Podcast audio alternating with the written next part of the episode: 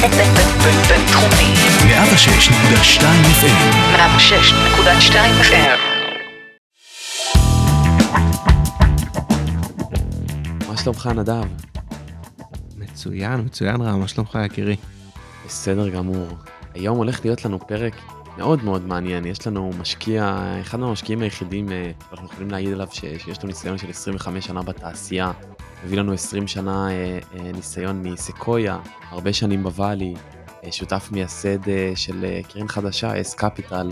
אני אומר שג'ינגל ונקבל אותו. הון סיכון, הון סיכון, מאחורי הקלעים של עולם ההשקעות בסטארט-אפים. עם נדב צור ורם בן ישי. חיים סדגר, 20 שנה שותף בקרן סקויה הישראלית, שותף מייסד של קרן אס קפיטל. שלום לך. שלום וברכה, ערב טוב ובוקר טוב לך בסן פרנסיסקו. אמ, אז נשמח לשמוע קצת על אס קפיטל, אמ, קצת על סקויה, היא נולדה מההחלטה של סקויה לא להמשיך עם הקרן בארץ. אתה רוצה לשמוע יותר על סקויה, קצת סקויה ישראל וקצת אס קפיטל ולמה, או שנתחיל ישר באס קפיטל, מה בא לך? אני, אני מציע שנתחיל אולי מה, מההתחלה דווקא, מה אתה אומר?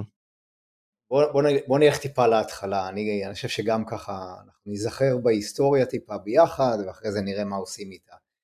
אה, אני למעשה הייתי המשקיע הראשון של אינטל מחוץ לארצות הברית במשך שנה וחצי בישראל. עשיתי uh, כמה השקעות מאוד יפות, uh, שבעה אקזיטים היו שם בשנה וחצי האלה, זה היה משעשע מאוד, שבעה אקזיטים מתוך? מתוך שמונה השקעות. וואו, לי וואו. היי. Uh, אני הכרתי את uh, סקויה עוד מימיי בוואלי. Uh, הצגתי להם פעם במסגרת סטארט-אפ שהקמתי והכרתי את השותפים. אה, יום אחד הגיע מייקל מוריץ ב-1998 למלון דן בתל אביב, אמר חיים בוא בוא נקשקש טיפה, ישבנו וזה, הוא אמר מה דעתך? אנחנו מקבלים המון המון ביזנס פלן מישראל, אולי נקים משהו בארץ, אה, בא לך? אמרתי יאללה בוא נלך על זה, ואז במשך 19 שנה אחר כך אה, הייתי בסקויה ישראל, כשאני הקמתי את הקרן במאי 99, לימים הצטרפו אליי שותפים נוספים. ב-18, 2018, הקמנו, איה פטרבורג ואני, קרן חדשה שנקראת אס קפיטל, וזאת כתוצאה מהסיבה שסקויה החליטה לא להקים קרנות נוספות אה, בישראל, dedicated לישראל, ואם נורא תש... תבקשו יפה אני אפילו יכול להסביר את זה, יש הסבר לוגי מרתק לסיפור הזה, משהו שכולנו אה, מאוד תמכנו בו, ואנחנו שמחים עם התוצאות שלו, ואנחנו חושבים שזו הייתה החלטה נכונה. אה, וזהו, זה הרקע. אז גם זה ממש מעניין, וגם אה, אם תוכל קצת אולי לספר על, אה, על מה זה סקויה, מי זאת סקויה, אה, כי לא כל המאזינים שלנו מכירים, וגם איך קמה הקרן בישראל, ומה מה המשמעות של אה, חברה בינלאומית כזאת גדולה שמקימה קרן שהיא dedicated לישראל. מקימה וסוגרת. בוא, זה מה שהשאלה המרתקת היא, גם נכון. מה הקמת, אופס, מה המשמעות בזה שהיא סוגרת? כי זו השאלה הקשה שכולם באמת שואלים. אז קודם כל סקויה זה עץ. זה עץ גדול מאוד, וכיוון שיש לנו מישהו כאן מהוואלי, סליחה, מסן פרנסיסקו, אז הוא יודע שיש אפילו פארק, national פארק, שנקרא סקויה national פארק, וזה עץ באמת ענק. אז למה סקויה? כי ה-founder של סקויה, בחור בשם דון ולנטיין, שלימים ישב איתי במשך חמש, שש שנים על board משותף של חברה ישראלית שאני השקעתי, ואז יצא לי לשבת עם ה-founder של סקויה שבע, שש שנים שלמות, אה, וכל board meeting שהיה לנו בוואלי, אה, הוא היה קורא לי למשרד שלו ואומר יאללה בוא נשב ונדון ב-board והייתי לומד ממנו ולמה זה מרתק? כי דון הוא השקיע בסטיב ג'ובס ובסטיב ווזניאק. דון השקיע באורקל ודון הוא המשקיע הראשון בסיסקו. זה היה מה ללמוד. היה וואו לשבת ללמוד. עכשיו אתם צריכים להבין שבדרך כלל בקרנות הון סיכון זה נכון תמיד כמעט לא יוצא אה, לשותף צעיר חדש אה, לשבת עם שותפים אחרים. ממש לא יוצא, כי, כי אין, אין מספיק, אנחנו בדרך כלל אה, מחלקים בורדים בינינו, אז, אז זה נכון שמגיעים בהתחלה לשבת ולשמוע, אבל ממש לשבת על בורד עם, עם שותף ועוד מייסד סקויה, כמעט אף אחד לא יצא לו, גם בסקויה ארה"ב, אז היה מין חוויה מאוד מיוחדת, אני, אני מודה, ו, אמ, וסקויה, וסקויה השם בחר אותו דון ולנטיין, לא סתם ברחתי לדון ולנטיין, למה הוא בחר סקויה? כי נדבר אני מניח על קרנות נוספות אה, שיש להם שמות של המקימים, ודון אמר אני מקים משהו להמון המון שנים שיגדל ויהיה ענק, וואלה סקויה, וזה לא יהיה על שמי, לא יקראו לזה דון ולנטיינס או ולנטיינס ונצ'רס, כמו נגיע בטח לשיח, בשיחה הזו לשמות פרטיים או משפחה של כאלה שקראו קרנות על שמן. דון אמר אני לא קורא את זה על שמי וזה it will last הרבה הרבה אחרי שאני לא אהיה פה. נראה לי הוא מנסה להגיד שזה יהיה משהו שהוא יותר גדול ממנו אפילו. הוא ניסה, הצליח, והוא הצליח, הוא בנה משהו ל, ל, להרבה שנים, ואני מניח שסקויה רוצה להמשיך לבנות את הדבר הזה כמשהו גדול מאוד, ואני מניח שיהיה לכם גם שאלות. אבל אני מניח שמאוד יעניין אתכם למה הם הקימו את זה בארץ, ולמה הם סגרו את זה אחרי 18 שנה, במיוחד, במיוחד זה מרתק, כי uh, הקרן סקויה ישראל, שנקראת קרן סקויה ישראל 5, הייתה הקרן האחרונה שלנו בישראל, היא קרן מטורפת מבחינת הצלחות. זאת אומרת, זה באמת, כי אני לא יכול לדבר על החזרים ועל כלום, אבל תאמינו לי, גם בכל קנה מידה, גם בינלאומי וגם ישראלי, זה קרן משוגעת. ובכל זאת סגרו אותה. אז למה? או, למה פתחו? פתחו, סיפרתי לכם למה. הגיעו להם ביזנס פלן יותר מאשר כל מקום, מאשר מכל מקום בארצות הברית, הגיע לסקויה מישראל. ואז הם אמרו, רגע, מה זה הדבר המשוגע הזה? בואו בוא נשים מישהו על הרצפה שמה, אה, שיחפש לנו אה, חברות, ניתן לו קרן קטנה. נתנו לי קרן מאוד קטנה, אני אה, משעשע כמה היא הייתה קטנה, והוא ישקיע פרי-סיד, ואנחנו נשקיע את ההמשך. אלא מה, ישראלים כמו ישראלים, כמו שאתם יודעים, בייחוד שהם מצליחים, אז הם אומרים, רגע, רגע, מה פריסיד, מה פריסיד, בואו נהפוך את הקרן הקטנה הזו לקרן גדולה, והצלחנו לשכנע, הצלחתי לשכנע אותם, והצטרף אליי שמי לוי אחר כך, אה, ופשוט גייסנו קרן מלאה. ואם תחשבו טוב, המטרה הראשונית של סקויה הייתה לשים כאן מישהו שישים בפרי סיד סיד, ואחרי זה הם ישקיעו, זה הרבה יותר טבעי להם. ופתאום אנחנו השקענו במקביל אליהם, אז הם לא יכלו להשקיע הרבה יותר את ההשקעות המשך. זה מודל נפלא, אבל לא מספיק טוב לסקויה, ולכן אני חושב שסקויה ב-2018 ישבה ואמרה, עצור,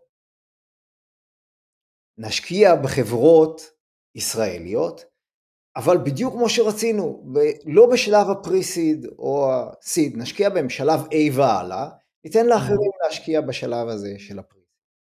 זה השלב שבעצם נעצרה סקויה ישראל ולא גייסנו יותר כן. חדשה, ואז איה פטרבורג, שעבדה איתי, איתי בסקויה, אה, במשך כמה שנים, אה, היא בעצם הגיעה, הגתה את הרעיון, אני מוכרח להגיד שהרעיון נולד אצלה, אני אמרתי לעצמי, אוקיי, חיים, נו, אחרי כל כך הרבה שנים בזה, בוא נעשה, אולי אה, נלך לבלות ונכתוב ספרים.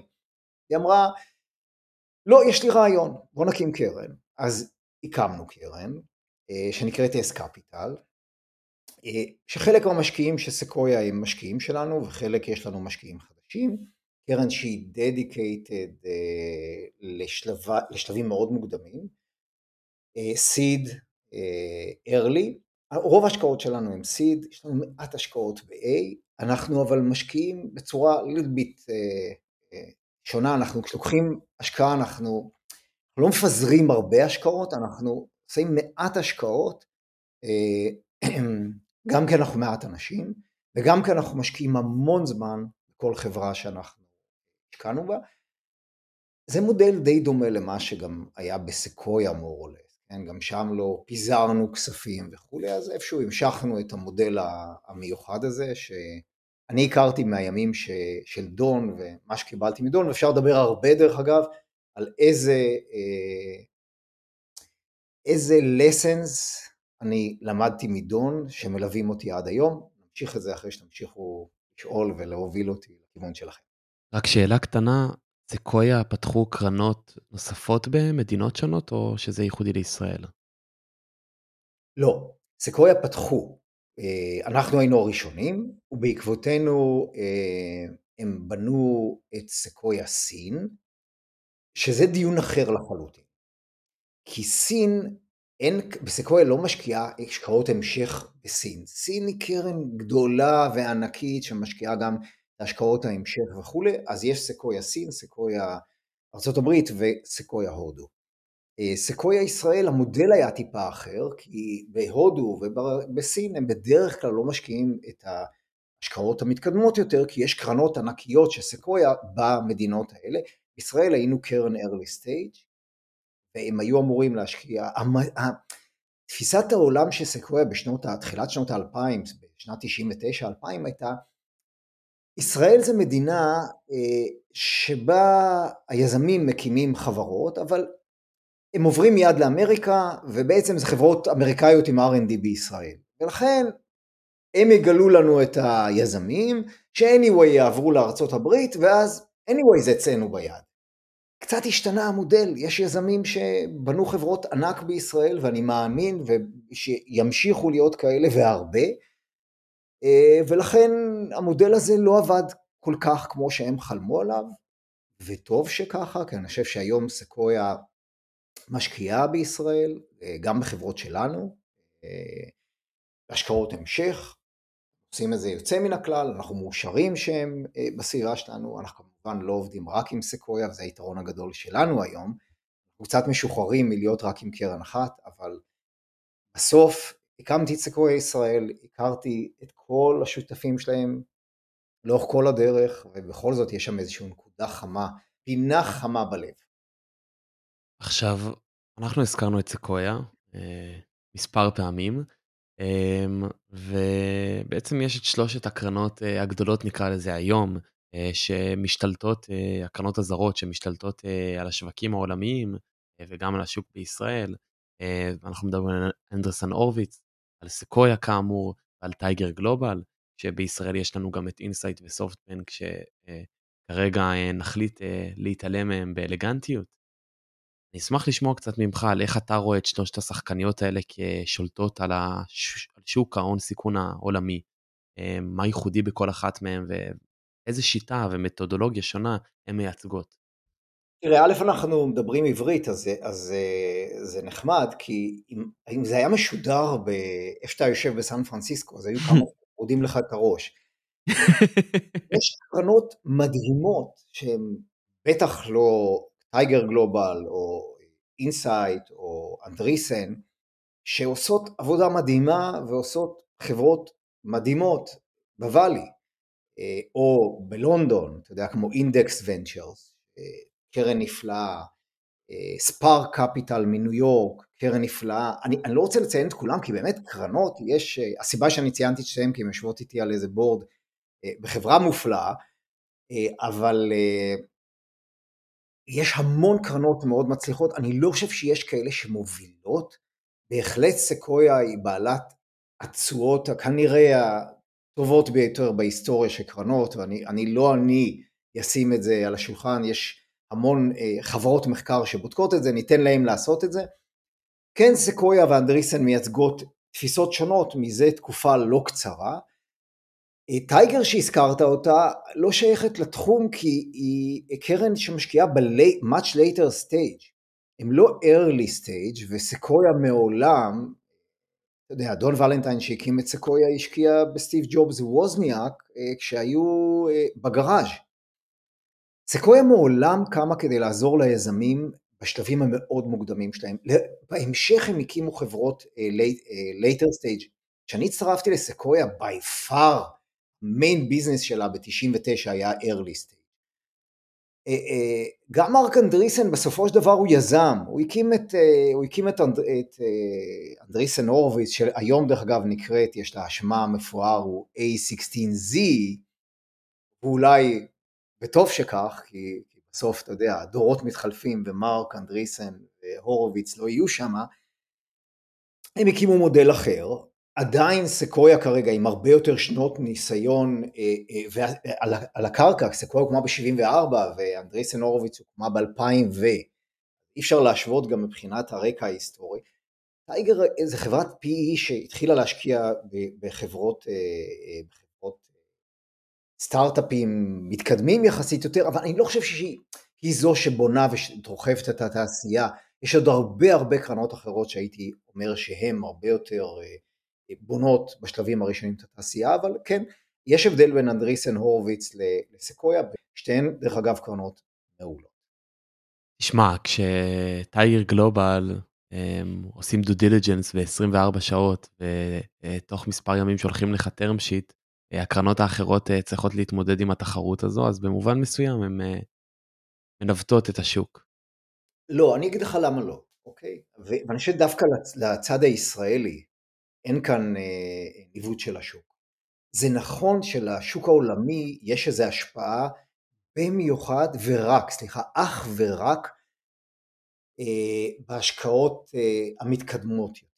טייגר לא יודעים להשקיע ביזם עם, אה, או שני יזמים, זה הרבה יותר מוצלח בדרך כלל, שני יזמים עם PowerPoint, או לפעמים אפילו בלי PowerPoint. חבר'ה, אני השקעתי באנשים שישבתי איתם בבית קפה בערב, והם ציירו לי על מפית. הם לא יודעים לעשות את זה, טייגר. ולא כי הם אה, לא, אין, הם לא יכולים לעשות due diligence, הם עושים due diligence כמו שאתם יודעים, לא אצלהם, הם עושים due diligence, outsourcing ל-due diligence. איך אתה עושה due diligence על שני יזמים שמגיעים אליך לפגישה, ויש היום יזם מאוד מוצלח, שמאוד הצליח, בזמנו אה, סקויה, בחור בשם רוני זהבי, אה, שהקים חברה בשם קוטנדו, והיום יש לו חברה בשם בוב, היי בוב, בוב, יזם חוזר, אני פגשתי בערב בבית קפה עם, עם שני השותפים שלו וסגרנו באותו ערב על מפית נייר, באמת על מפית נייר שהוא צייר את משהו. איך זה הולך אה, אם שאתה עושה due diligence וחוזר תוך 24 שעות? וסקויה יודעים לעשות את זה, וראיתי את זה, עושים את זה. הם המציאו את הפטנט, אני לא המצאתי את זה. נגיד, מוריי ורבותיי שם היו גדולים ממני ועשו את זה הרבה יותר מוצלח ולמדתי מהם. אנדריסן יודעים לעשות את זה.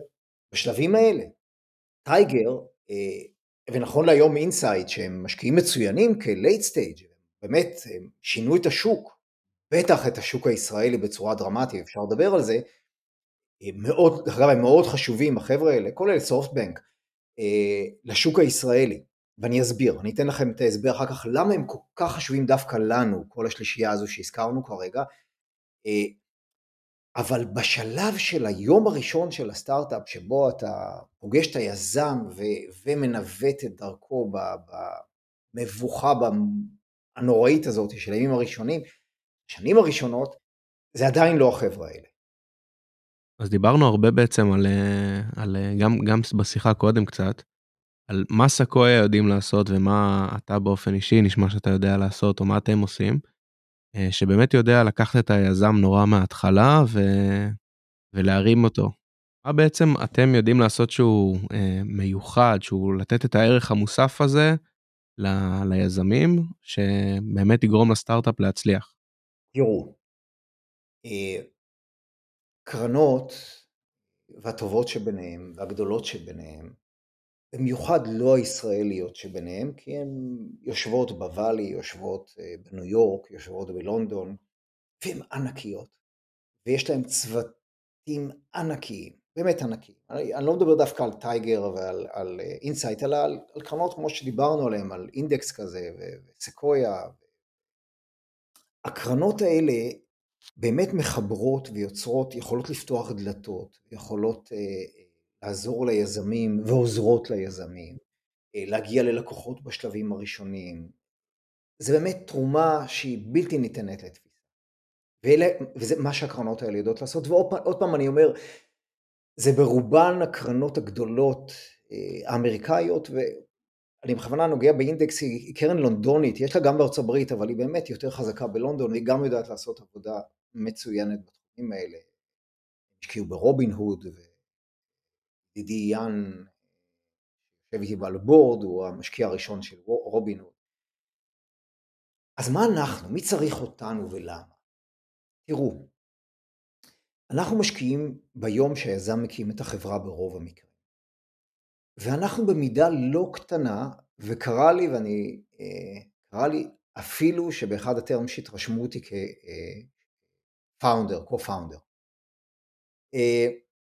אנחנו יושבים עם היזם, ואם תשאלו את היזמים שלנו, אה, אנחנו יושבים איתם לא רק על לפתוח הדלתות, אנחנו לא אפילו מתגאים בזה יותר מדי. לא כי אנחנו לא עושים את זה, אלא כי בסוף ליזמים יש עוד השקעות, ופתאום מגיע אחת מהקרנות האלה, שאני לא אשכח שפעם אמרתי, שאלתי את, את זה היה מייקל מוריץ, אמרתי לו, תגיד לי, איך אני מגיע למנכ"ל של החברה ההיא? אז הוא אומר, תראה, בסקויה יש לנו את רשימת כל האנשים, ואנחנו מחוברים לכולם, אנחנו רחוקים מקסימום one hop מכל אדם בתעשייה. אה, ואי אפשר להתחרות בזה. וזה לא added value שאנחנו מנסים אפילו להתחרות בו. אנחנו נביא אותו בתחילת דרכו, אבל לא נתחרה בו. אנחנו כמעט co-founders של היזמים, אנחנו יושבים איתם, וברגעים הראשונים ובהמשך, ואני תכף אבהיר את ההבדל, ברגעים הראשונים ממש עוזרים להם בבנייה של החברה. תראו, לא משנה כמה יזם נראה, וזה תמיד משעשע אותי מחדש. אני משקיע 25 שנה, ומגיעים יזמים שנראים אלופי העולם מבינים הכל. עד לנקודה שפתאום אתה מגלה שחצי מהדברים שהם היו צריכים לדעת בגלל הביטחון, אין להם. וטוב שאתה, אתם שם כדי, אתם, אנחנו שם, אה, כדי לעזור להם, כי הם יכולים ליפול על פנים למרות הביטחון המדהים שהם מראים, באמת יזמים מדהימים, אבל הם צריכים את זה. זה דבר אחד. דבר השני, הוא לא פחות חשוב, כי אתה מלווה, אתה. אנחנו מלווים את היזמים בימים הראשונים, אנחנו בעצם חלק מהקבוצה החברית הקטנה הזו שנקראת יזמים, חלק מהמשפחה הזו של אותה חברה, כי היינו בימים הראשונים, אני לא מכיר חברה, ואני תכף מחבר את הנקודות, אני לא מכיר חברה שלא נתקלה בצרות. כי צרות זה הבסיס לכל מה שאנחנו עושים. אין דבר כזה השקעה שאופס, רופ, מזנקים, והופ, איזה יופי. חברים, זה ימים שחורים. היזם נכנס, אני רוצה להגיד לכל היזמים שבא להם להקים עכשיו חברות, קודם כל תדעו, יש ימים שחורים, והם לא מעטים. הם שחורים משחור. אתה לא רואה כלום, ואתה לא יודע לאן אתה הולך, ואתה לא יודע שאתה לא נופל באיזה בור. ואז אנחנו שם להדליק את הפנס הקטן, לא את הגדול, את הקטן, לחפש את השביל, את מוצא, לעזור ברגעים הנורא קשים האלה שהכל שחור משחור. וגם אנחנו סובלים דרך אגב, כי גם לנו החשיכה היא גדולה, אבל אנחנו בגלל הניסיון הרבה פעמים מביאים גם פנס. זהו, זה התפקיד שלנו. אה, לעזור בימים הראשונים, בשנים הראשונות, לבנות את זה נכון, אבל זה החלק הקטן. החלק הגדול, כשיגיע המשבר והוא מגיע, והוא מגיע תמיד, אנחנו שם. וזה דבר, כשאתה משקיע בימים הראשונים ומתחבר אל היזמים, אה, קשה קשה להשיג לכאלה שמשקיעים, בשלבים כמו שטייגר, הזכרת אותם, משקיעים, כי הם באמת משקיעים בשלבים כבר שאתם, הם מחכים לתוצאות, כבר אין, אה, זה כבר לא בואי נא, משבר, לא משבר, בואו תראו לנו מה קרה, אתם עמדתם בתוצאות לשנה, לא עמדתם בתוצאות של השנה, זה דיון אחר לגמרי. זה שלבים אחרים של השקעה. הליווי יד ביד שאתה מתאר, אה, גם רואים אותו במספרים, כשאנחנו מדברים על אה, הון מנוהל אה, ביחס לעובדים, אנחנו רואים שטייגר עם 470 מיליון דולר לעובד, ואנדרסן הורוביץ עם 62 מיליון, וסקויה עם 41 מיליון. המדד הזה, אתה חושב שהוא רלוונטי והוא באמת מייצג את הסיפור שאתה מנסה לתאר, או שזה לא מדד כמותי? לא, כי אתה, כמו כל דבר סטטיסטי, מוסתר כאן משהו בסיפור שלך שהוא דרמטי, אוקיי? בכוונה, אני אגע בסקויה, כי אותם אני מכיר טוב. אני אזכיר לך. בוא נניח רק לצורך הדיון שבשנת 2000 לסקויה הייתה קרן אה, שיש לה קרן X, אוקיי? לא משנה. אחרי זה היה קרן 9 או 10, 11, בשנת 2000 פלוס, אבל סתם זרק. אוקיי? שהייתה בגודל של 450 מיליון דולר. אני דרך אגב לא מפספס את המספר, זו הקרן האמיתית שהייתה, לא אמרתי מספר. והיה לה growth fund של מיליארד נקודה שניים דולר. אבל הכסף המנוהל פר יזם היה רק 450. כל הכסף השאר הוא נכנס אחרי. הוא כסף שהרבה פחות, הוא, הוא נכנס לחברות שכבר סקויה השקיעה והכירו ועבדה עם היזם. צריך להיזהר בזה. כי באמת החלק של ה-early זה החלק שאתה הולך יד ביד. אתה יכול, תקשיב, אתה יכול הרבה יותר כסף פר עובד, כשהחברה הרבה יותר בשלבים מתקדמים. זה הסוד. כשאתה בשלב מאוד מוקדם, כדאי שיהיה לך הרבה פחות כסף לעובד. כי אתה רצוי, רצוי, רצוי, יהיה לך זמן הרבה יותר להשקיע פר, אה, פר דולר. סקויה הכריזו uh, לפני מספר חודשים על מודל חדש, קרן על פתוחה, נזילה וללא תאריך סיום, האברגרין, uh, שזה להערכות uh, נובע מההחמצה שהם מרגישים uh, מהשקעות כמו בגוגל, שהפסידו מכך שנאלצו לעזוב את החברה לאחר עשר שנים. מה זה המודל הזה? איך אתה רואה אותו מתפתח ומהיכן הוא נובע? קודם כל, דרך אגב, גוגל, אה, הוא סתם נפלא בגוגל. רק, לא אדבר על ההחזרים, באמת עשתה החזרים יפים, גם ככה. אה, תראו, אני, עוד פעם, אני, רק, אני לא יכול לספר לכם מה קורה היום, כי אני לא שם כרגע בתוך הדיונים האלה, אין לי מושג באמת איך חושבים, אבל יש לי מספיק שנות סקוויה כדי להגיד לכם שלאורך כל השנים, ללא הפסקה, אני לא זוכר פעם אחת שסקוויה, החברה שלה יצאה פאבליק, והם אחרי איזה חצי שנה, שנה, אה, חילקו את המניות של החברה ל-LPs שלנו, שהם המשקיעים של סקוויה, שלהם, שלי זה כבר לא, שסקוויה לא אמרה להם, חברים, אל תיגעו במניות האלה. אל תמכרו אותם. ואלה שהקשיבו להם לא פעם עשו פי עשר על הכסף תוך שנה. עכשיו כשאתה כמשקיע מחלק מניות ואתה יודע שהם יעשו חלק לא קטן מהם פי עשר תוך שנה, לא בתקופה שלפני שנה שהכל קפץ כמו מטורף, אלא בתקופות שפויות לגמרי. סיסקו, גוגל, יאהו, אין סוף כאלה חברות שעשו להם את זה. אתה מסתכל על זה ואתה אומר, רגע, אנחנו לא טועים כאן? ה-LP שלנו, חלקם מוכרים, לא חבל על הכסף שלהם? בואו אנחנו נחזיק להם את זה. אתם תמשיכו לנהל את הכסף שלכם אצלנו, אצלנו, תנו לנו לנהל את. החברות שלנו שאנחנו בונים, הם everlasting company. companies. זה companies שזה for life. אל תזרקו, אנחנו נעזור לכם לנהל את זה. זה מה שהם חשבו לאורך כל ה-20 שנה שאני הייתי שם, 19 שהייתי. ואני מניח, כיוון שאני כבר לא שם, שמה שקרה, הם אמרו, בוא, אנחנו ננהל לכם. וה-LPs נורא מאושרים מזה, כי הם לא, כי הם מקבלים הרבה יותר. זה לא שהם לא יוכלו להוציא כסף, זה לא evergreen לנצח. אה?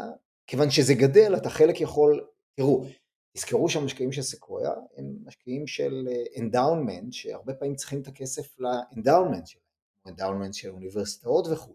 אה, אז חלק מהכסף יחזור, אבל סקויה תוכל להמשיך באמונה, שבתקווה, כי יודע, יש את המשפט שאנחנו טובים כמו ההשקעה הבאה שלנו, לא הקודמת שלנו, בתקווה שהם יוכלו להמשיך לעשות את זה גם בעתיד, מה שלהם כמובן. אה, הם יוכלו לנהל את הקרן בצורה אחרת, כי ההיסטוריה הראתה, הראתה שלא נכון היה לחלק את זה בשלבים האלה, אבל אתה לא יכול בתור משקיע, ברגע שחברה יוצאת פאבליק, להחליט שאתה לא מחלק כי בא לך. נהוג לחלק את הכספים חזרה, כי גם ה-LP שלך מחכים לזה. לכן הם חזרו עכשיו, פחות המבנה של הקרן, ויותר אמרו ל-LP שלה, שלהם, חברים, יש פילוסופיה חדשה שאני חושב, שאנחנו חושבים שתאהבו, אני מניח שהם, ה-LP יאהבו את זה, כי אם אני הייתי משקיע היום בסקויה, הייתי אוהב את זה. זה מצחיק, התיאור שלך קצת מזכיר לי, כי אתה יודע, אומרים שהפער בין השוק הציבורי לפרטי הוא מין גל כזה. אמ, ואתה מתאר תקופה שבה אה, השוק הפרטי דווקא אה, תמחר בחסר ביחס לשוק הציבורי, אה, והיום אנחנו נמצאים בסיטואציה אחרת, אתה חושב שהמודל הזה של להחזיק את המניות כשהיום הן מתרסקות כשהן מגיעות לשוק הציבורי, הוא נכון גם לימים אלו? אבל הם התרסקו לפני שנה, או הם התרסקו לפני חודש? תקשיב, הם צעירים, אנשים צעירים, ורוב התעשייה שאני נמצא בה זה תעשייה צעירה, של משקיעים צעירים, משקיעים שנולדו אחרי 2008, לא נולדו פיזית אחרי 2008, נולדו כמשקיעים אחרי 2008, ולא ראו את הדאונטרנס. יש כזה, יש רגעים כאלה, זה בסדר, התעשייה שלנו היא תעשייה סיקלית. ואני לא יודע אם נכנסנו לס... ל cycle כרגע של ה downturn. הוא לא יהיה לנצח, הוא יהיה שנה, הוא יהיה שנתיים, כן. אבל רוב הזמן, דרך אגב, כשאתה מסתכל על ה cycle, יש יותר זמן אה, של אה, שוק אה, עולה מאשר ששוק יורד, והשוק העולה הוא, הוא די אה, קלאסי, די ברור. דרך אגב, השוק שלפני שנה, שעלה כמו מטורף, הוא גם לא היה בריא. לא היה בריא לא בציבורי ולא בפרטי, כי אין, כשאין היגיון בסוף משהו אה, מתקן את עצמו. אבל זה בסדר, לא קרה שום דבר. יש תיקון בשוק הציבורי, תיקון חריף, שאני לא יודע אם נגמר או לא נגמר, אין לי מושג. הוא גם דרך אגב ישפיע על השוק הפרטי. אני אספר לכם סודי סודות, כולם יודעים היום כבר, הוא כבר משפיע היום. אוקיי, אנחנו כן. רואים שהחבר'ה שאתה רק ציינתם את שמם, דווקא הגדולים, לא סקויה, אבל אחרים שחלקם דיברנו עליהם, חלקם אה, אה, לא דיברנו עליהם, מעדיפים היום לא להשקיע בווליואציות האלה יותר, אלה שהשקיעו לפני שנה ווליואציות משוגעות, מעדיפים ווליואציות או יותר נמוכות, או לקחת, וזה לא סוד גדול, שחלק מהקרנות אוהבות להשקיע ברגעים קשים בשוק הציבורי, גם בשוק הציבורי, כי תחשבו על זה, שבשוק הציבורי חברה שלפני אה, שנה נסחרה ב-15 מיליארד דולר ועכשיו נסחרת ב-2 מיליארד דולר, ה-15 אולי לא היה הגיוני, אבל גם שניים כבר לא כך הגיוני, אז אולי כדאי להשקיע בשניים עכשיו, איזה יופי, ועוד שנה אנחנו נוכל אפילו לעשות אקזיט. אבל זה cycle, ואנחנו בתוך cycle, לא להיבהל ממנו. זה, יש, כמו שלא נבהלנו מה cycle כשזה, אני לא לקחתי ברצינות לפני שנה ושנתיים. המספרים היו מטורפים, הכפילים לא היו הגיוניים, אז עכשיו זה עושה תיקון, זה בסדר, זה בריא, לא קרה כלום, שום דבר לא קרה. חיים ממשיכים הלאה. כן, אנחנו פה ללונג טרם, מה שנקרא, זה, זה מה שמעניין. תמיד עניין עולם ההשקעות.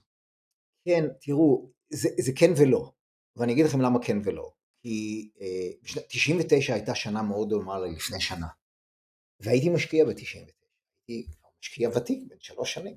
תכף אני אגיד לכם, אני משקיע בין, בין שנתיים שלוש. אה, והיה שוק מטורף, משוגע, בדיוק כמו שהיה לנו לפני שנה. מטורף. ולפני שנה שדיברתי עם אנשים, אמרתי להם, חבר'ה, זה עובר בסוף. לא, זה כלכלה חדשה. אמרתי להם, ואני שמעתי את אותו משפט ב-99, אמרו לי כלכלה חדשה, אז האמנתי דרך אגב, היום אני כבר לא האמנתי, אבל, אבל אז האמנתי מאיזה כלכלה חדשה. תראו, 2000, 2001 ו-2002 היו שנות, שנים לא טובות לתעשייה הזאת. לא טובות לתעשייה שלנו, אבל חברות מדהימות יצאו מהשקעות של שנת 2000, מטורפות, מדהימות. 2001, 2002. אני חושב שסקויה, הקרן של הסקויה 11 היא 2002. קרנות מטורפות, כי להשקיע בתקופה הזו, ההשקעות הכי טובות זה בתקופות שהכל ב downturn, אז, אז זו תקופה נהדרת עכשיו, כשזה מתקן את עצמו. תראו, הסוד הגדול, לעבור את השנתיים האלה, אם יש שנתיים לא טובות, להחזיק את הראש מתחת למים, כל זמן וחברות בנויות נכון ועושות את הדברים הנכונים, הם יצאו בצד השני. של הצלילה. אלה שעשו שטויות, ו-80% עושות שטויות, ומייצרות שטויות והסיפורים שלהם הם שטויות, אל תתבלבלו מה, מהכותרות בעיתונים. כותרות בעיתונים מראים רק את החברות המוצלחות, אבל יש עוד 90% שם שהם לא בכותרות בעיתונים, עושות שטויות, הן בדרך כלל נעלמות מאוד מהר בתקופה לא טובה. אז באמת, אנחנו כבר מתקרבים לסיום. איך תיראה מפת ההון סיכון עוד חמש שנים מהיום? האם עדיין אלו שבשלטון יישארו בשלטון? אני לא חושב שיש שלטון. האלה שיש מקום לכולם. לא, אני אומר את זה ברצינות, כי אין שלטון, אין, אין מישהו ששולט. אבל אתה שואל האם המצליחות, אני מאמין שקרנות אה, שניהלו, נולדו, כמו סקויה על דון ולנטיין, ואנדריסן, אה, מרק אנדריסן, שהוא יזם מדהים. הקרנות האלה, בגלל הרוח שלהם ובגלל ה... האופי שלהם, ובגלל ההבנה של היזם והיזמות, לדעתי ימשיכו להיות פה עוד חמש שנים ועשר שנים, והם מאוד יצליחו. השאר שנכנסות עם, אה, אה, עם מודלים חדשים, שונים טיפה, לתקופה, לדברים מתקדמים יותר, לא יודע, אני באמת לא יודע להגיד. אני אומר, יש בחור בשם מייקל מוריץ, שהוא לדעתי באמת אחד, אם לא מספר אחד, אה, משקיע מהמם, אני זוכר שבשנת 2000 הוא אמר, ב-2000 הוא אמר, זו תקופה נהדרת להון סיכון, אחרי הקראש הענק של הדוט קום, הוא אמר, זו תקופה מדהימה. אז אמרתי לו, למה? אז הוא אמר לי, כי כל האורחים הלכו.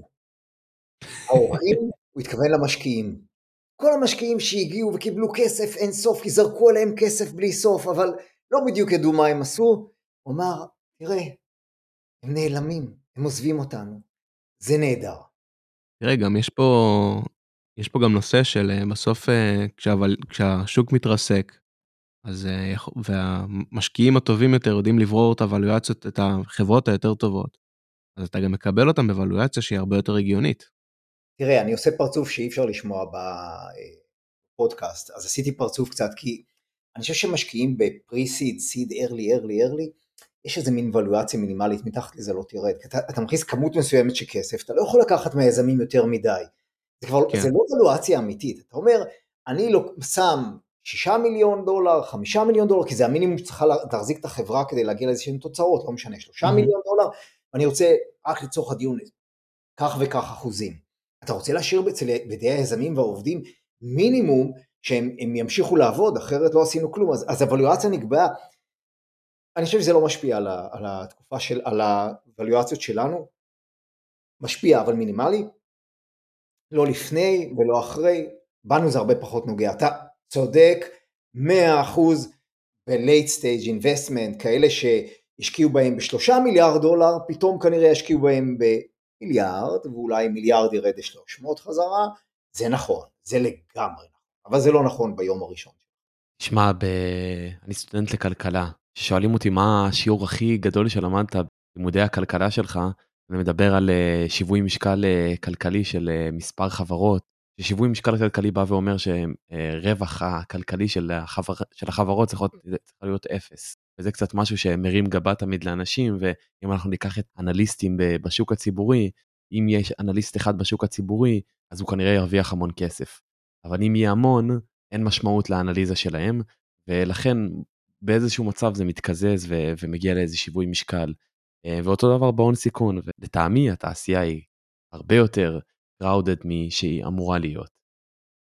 כן, יש לנו הרבה מה להגיד בזה, הרבה מה להגיד, כי אמרתי לכם שהקטע ההופעה של המשקיעים כמו אינסייט, טייגר, וזה דווקא לא crowded, הם, הם מילאו איזה חור שלא היה לנו לפני עשר שנים בהשקעות בין השקעות ראשוניות, השקעות, השקעות של IPO. דווקא אני לא חושב שהם הביאו את ה crowded. אני, אני חושב שאנחנו בסדר. אני באמת חושב שהתעשייה הישראלית, ההון סיכון היום בנויה בסדר. אני, אני 25 שנה מלווה אותה, ואני דווקא חושב, דווקא בגלל המשבר כרגע שאנחנו עוברים, התעשייה הזו טובה, היא בנויה נכון, יש משקיעים very early stage, יש משקיעים כמו אינסייט, טייגר וכולי, שהגיעו פתאום ממלאים איזה שוק pre-IPO, ואז פתאום הרבה יכולים לקפוץ ל-IPO, שלא יכלו, כי לא היה את מי שתמך בהם בתקופה הזו. אני חושב שאנחנו לא ב, ב, ב, במקום לא טוב, אנחנו במקום מצוין. טוב, אז uh, עד עכשיו היה לנו ממש מרתק, אבל uh, לצערנו, ויש עוד המון המון על מה לדבר, אבל uh, לצערנו הזמן שלנו מתחיל להיות קצר. אז אנחנו נגיע לשאלות החוזרות שלנו. אז השאלה הראשונה, כיצד אתה בעצם ממליץ לסטודנטים שמאזינים לנו, מאזינים באופן כללי, אנשים שסקרנים על התעשייה, ללמוד את התחום, כתב שכדאי לעקוב אחריו, ספר מומלץ. כן, תראו, אתם זוכרים שאמרתי שאנחנו, אחד הדברים מאפיינים את התעשייה הזו, שאתה רץ בסופו של דבר בחושך. אה, ויש הרבה דברים, הרבה ספרים שנכתבו, ויש ספר שאני מחזיק בידי ברגע זה, אה, שהוא ספר שנכתב פעמיים, אה, על ידי כתב, אולי גדול הכתבים של טיימס בתחום של התעשייה שלה, בחור בשם מייקל מוריץ, שלימים היה גדול המשקיעים, או עדיין גדול המשקיעים לדעתי בכלל, זה אותו בחור שהשקיע בגוגל וביאו ועוד עשרות חברות ש, ש, שהיו יוניקורן הרבה לפני שידענו להגיד את המילה יוניקורן, השפיעו על התעשייה ושינו את העולם, העולם שאנחנו כמו שמכירים מכירים אותו.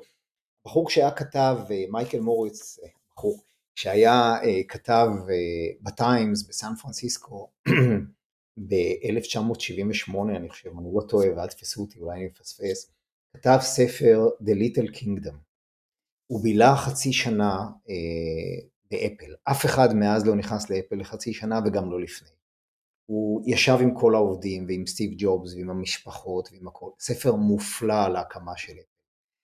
הספר הזה נקרא uh, Little, The Little Kingdom, יהיה קשה להשיג אותו כי הוא כבר היסטורי, אבל ב-2008 יצא ספר חדש של מייקל מוריץ שהחלק הראשון שלו הוא The Little Kingdom, אבל הספר, השם המלא הוא Return to the Little Kingdom, בגלל שזה החזרה של סטיב ג'ובס אה, ל-Little Kingdom שלו. אה, אני מחזיק אותו, אתם רואים, זה עם התפוח. Mm-hmm. אז זה גם לדעתי גדול הכתבים בתעשייה שלנו, אני יודע שאי אפשר לקרוא בדיוק את כל מה שהוא כותב היום, למרות שאפשר דרך אגב, הוא לא, כותב לא מעט. אבל אני ממליץ לכל יזם להגיע לספר הזה שהוא לא מוכר כמעט לאף אחד ולקרוא אותו, הוא נקרא, אה, הוא מרתק, הוא פשוט מרתק, הוא אמנם נכתב על חברה לפני המון המון שנים, אבל אני לא חושב שהשתנה כלום באמת בבסיס, באיך חברה גדלה, מה עובר עליה ועל היזמים. אז אני מאוד ממליץ, שונה טיפה, אבל ינסו להשיג אותו. מעניין מאוד. ועכשיו לשאלה הטיפה פילוסופית שלנו. אה, מה אתה, חיים, יודע שהוא אמת, ומעטים מסכימים איתך על כך? העולם שאנחנו חיים בתוכו, אה, שחלק גדול ממנו זה התעשייה שלנו, אה, הוא עולם באמת וירטואלי שאנחנו יוצרים אותו, אוקיי? על הכל, אני לא אכנס למה. החיים שלנו הם ברובם וירטואליים, יש גם חיים ביולוגיים, אבל הם כל כך משניים שזה מגוחך. הם מחזיקים אותנו, אבל הם באמת משניים. החיים שלנו הם חיים וירטואליים, בטח, למרות שאתם צעירים ראיתם את המייטריקס המפורסם, אבל האמת שכמעט כל מה שאנחנו עושים אה, זה לבנות את החברה האנושית. אנחנו כולנו עובדים בשביל החברה האנושית, לטוב ולרע. וזה דיון בפני עצמו שאני לא אפתח אותו כרגע. אבל כל מה שאנחנו עושים הוא מעט מאוד בשבילנו, נדמה לנו שזה בשבילנו, אנחנו בטוחים שעשינו את זה בשבילנו, יש לה הרגשה טובה, בשביל הבילוי שלנו, שנוכל לעלות על יאכטה כשנהיה עשירים. אנחנו כולנו עובדים בשביל דבר אחד, בשביל החברה האנושית, ואת שאר הסודות שמסתתרים מאחורי זה, אנחנו נשמור לעולם אחר, למקום אחר, לדיון אחר. ממש פילוסופי ומרתק. אז גם התשובה הזו, כמו כל הרעיון הזה, אה, הייתה מרתקת. אה, תודה לך חיים, נהנינו לארח אותך, אה, מקווים לארח אותך שוב. שמחה רבה.